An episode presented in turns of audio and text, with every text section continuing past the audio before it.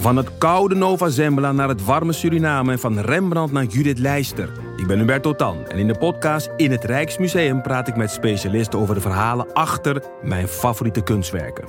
Nieuwsgierig? Beluister nu de nieuwe afleveringen. Ik ben Jacqueline en in de podcast Lust praat ik over relaties, intimiteit en alles wat met lust te maken heeft met ervaringsdeskundigen en experts.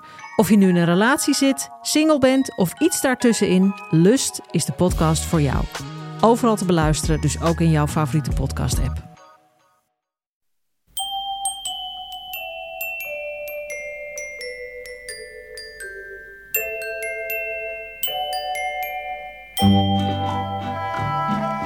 Welkom bij aflevering 448 van Echt Gebeurd, de podcast waarin mensen hun eigen waargebeurde verhalen vertellen. In deze aflevering een verhaal dat Joost Zaat in december 2018 bij ons vertelde tijdens een verhalenmiddag met als thema Alleen.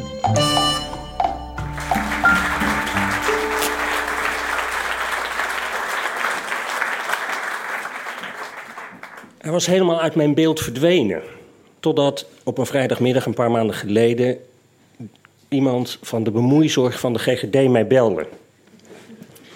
Ik ben huisdokter dat doe ik al 35 jaar in een stad hier een beetje ten noorden van Amsterdam. Ze hadden die week zijn huis ontruimd. Nou ja, niet ontruimd, opgeruimd. Het was een ongelofelijke bende en de buren hadden geklaagd dat het zo ontzettend stonk. De vraag was of ik iemand kon regelen om zijn been te verbinden.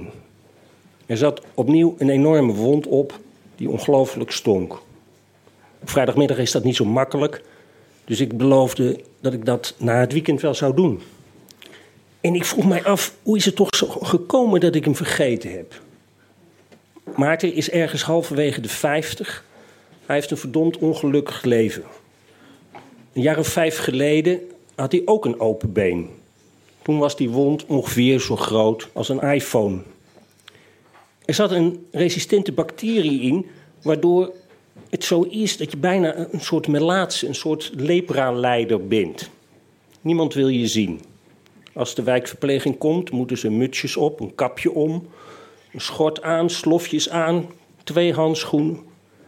je kunt je voorstellen dat dat niet heel erg makkelijk praat.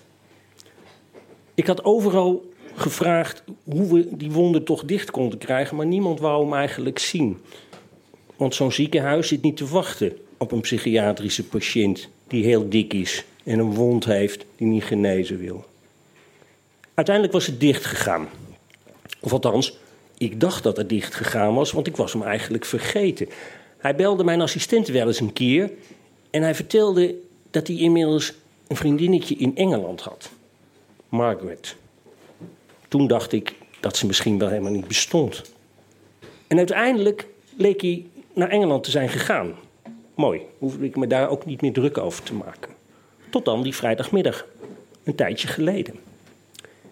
Ik kwam opnieuw bij hem met de wondverpleegkundige van de thuiszorg. Die kijkt, dat is een gespecialiseerde uh, verpleegkundige en die alles van vieze wonden weet. En die had hem uitgepakt. En het stonk werkelijk ontzettend. De wond was nu ongeveer zo groot als een hele iPad. Het vocht droop eruit. Hetzelfde op matje daaronder was heel snel vol. Wij zaten daar met die kapjes om en die maskertjes voor. En er moesten nieuwe kweken gedaan worden, want dat was het eerste wat ik als dokter dacht. Ik moet zorgen, hoop ik maar, dat hij in die drie jaar, vier jaar dat ik hem niet gezien heb, dat hij die bacterie vanzelf verdwenen is. Zo'n enkel keer gebeurt dat wel. Want anders begint het hele treurige feest weer overnieuw. Ik neem kweken af. En om het heel plastisch te maken, dokters houden van hele plastische verhalen. Dat moet uit je neus, uit je keel, uit je anus en uit de wond. Maarten is niet zo groot, maar wel heel erg dik.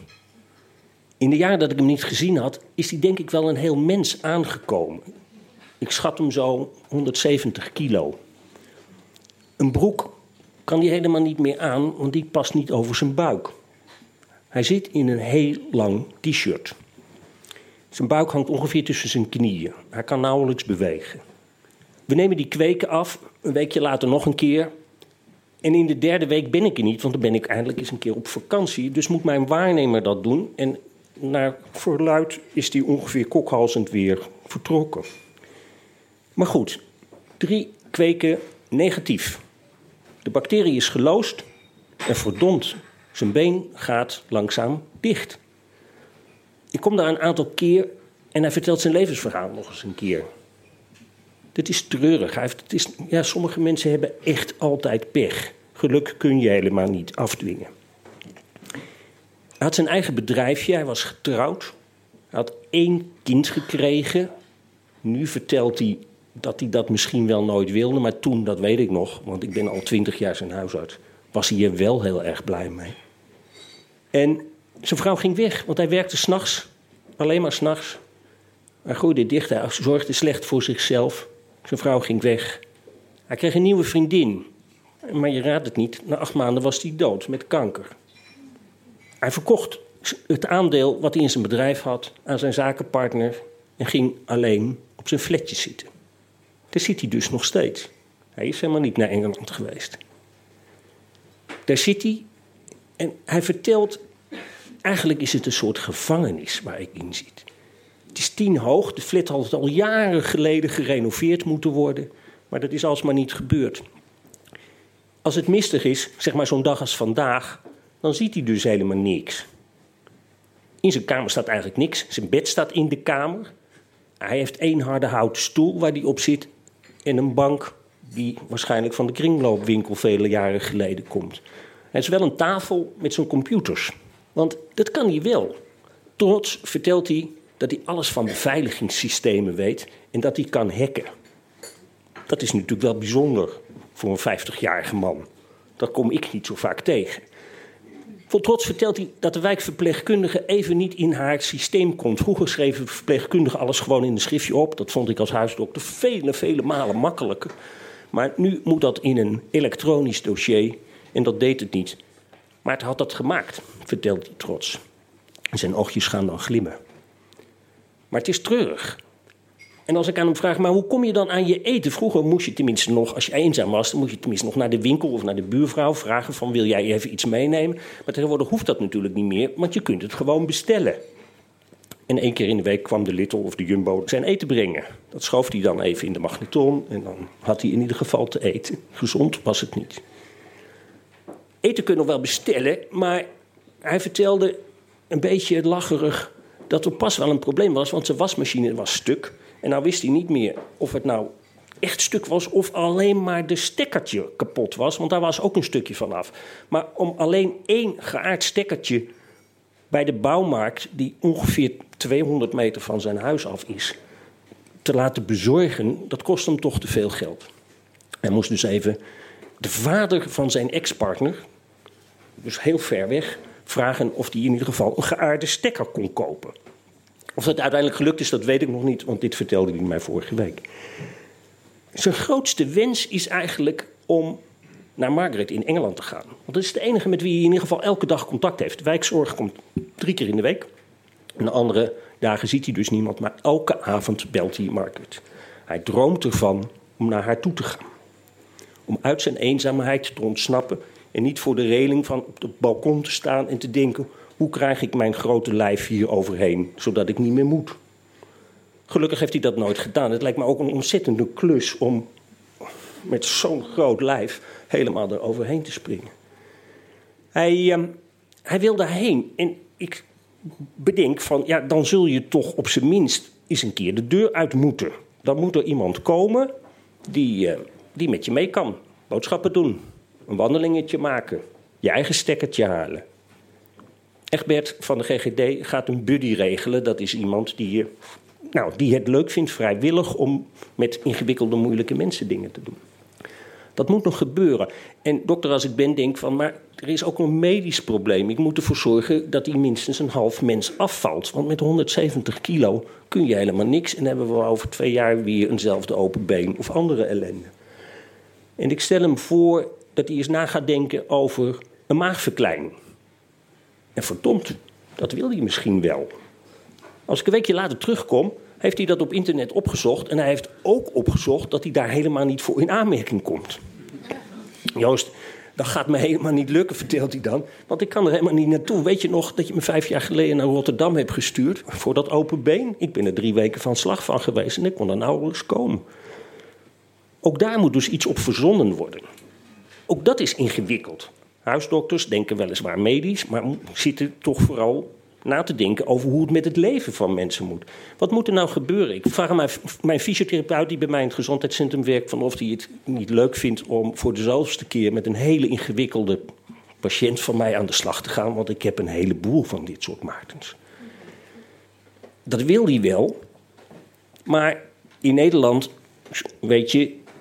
de zorgverzekering is alleen maar voor de basis. En de fysiotherapie zit er niet in. De gemeente heeft, heeft een bijstandsuitkering van de gemeente, dus dat komt niet. Dus we moeten nu iets verzinnen waardoor de fysiotherapeut in ieder geval met hem aan de slag kan. Allemaal om zijn droom om uit deze eenzaamheid en uit deze ellende te komen, werkelijkheid te maken. Er zijn talloze nota's, overleggen, uh, andere dingen om eenzaamheid te bestrijden. En ik weet niet of jullie van de week um, Twitter een beetje gevolgd hebben of uh, nationaal gekeken hebben. En dan zie je politici kaartjes schrijven naar eenzame bejaarden. Ik moet er altijd ontzettend om lachen, want Maarten kan helemaal niet bij, de, bij zijn brievenbus komen, die is beneden. Dus die zal dat kaartje nooit krijgen. Bovendien, wie weet van zijn bestaan? Als je echt heel erg eenzaam bent, dan ben je afhankelijk van je buren, van de stank die zij kunnen verdragen. Of je bent afhankelijk van je huisdokter, die je dan soms vergeten is. Daar moet je het van hebben.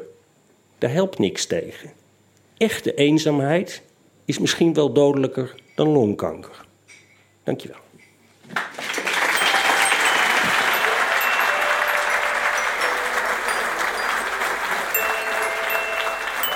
Dat was een verhaal van Joost Zaat. Joost is inmiddels gepensioneerd huisarts. De verhalenmiddagen van Echt Gebeurd vinden elke derde zondag van de maand plaats in Comedy Club Toemler in Amsterdam. En de thema's voor de komende edities zijn De Wet op 17 maart, Broers en Zussen op 21 april, Verloren op 26 mei en Voor het Geld op 16 juni. Heb jij een goed waargebeurd en zelfbeleefd verhaal dat op de een of andere manier past bij een van die thema's? En je mag zo'n thema trouwens heel breed opvatten. Neem dan contact met ons op via het formulier op onze website echtgebeurd.net. Daar kun je trouwens ook al die thema's teruglezen en je kunt daar ook meer informatie vinden over hoe je het vertellen van een verhaal bij ons kunt aanpakken. Onze redactie bestaat uit Micha Wertheim, Ariane Hins, Renette Kwakkenbos, Tom van Rooyen en mijzelf, Paulien Cornelissen. Directie Hanna Emmingen, zaaltechniek Nicolaas Vrijman, podcast Gijsbert van der Wal. Dit was aflevering 448. Bedankt voor het luisteren en probeer je deze week te herinneren welke mensen je de afgelopen tijd vergeten bent.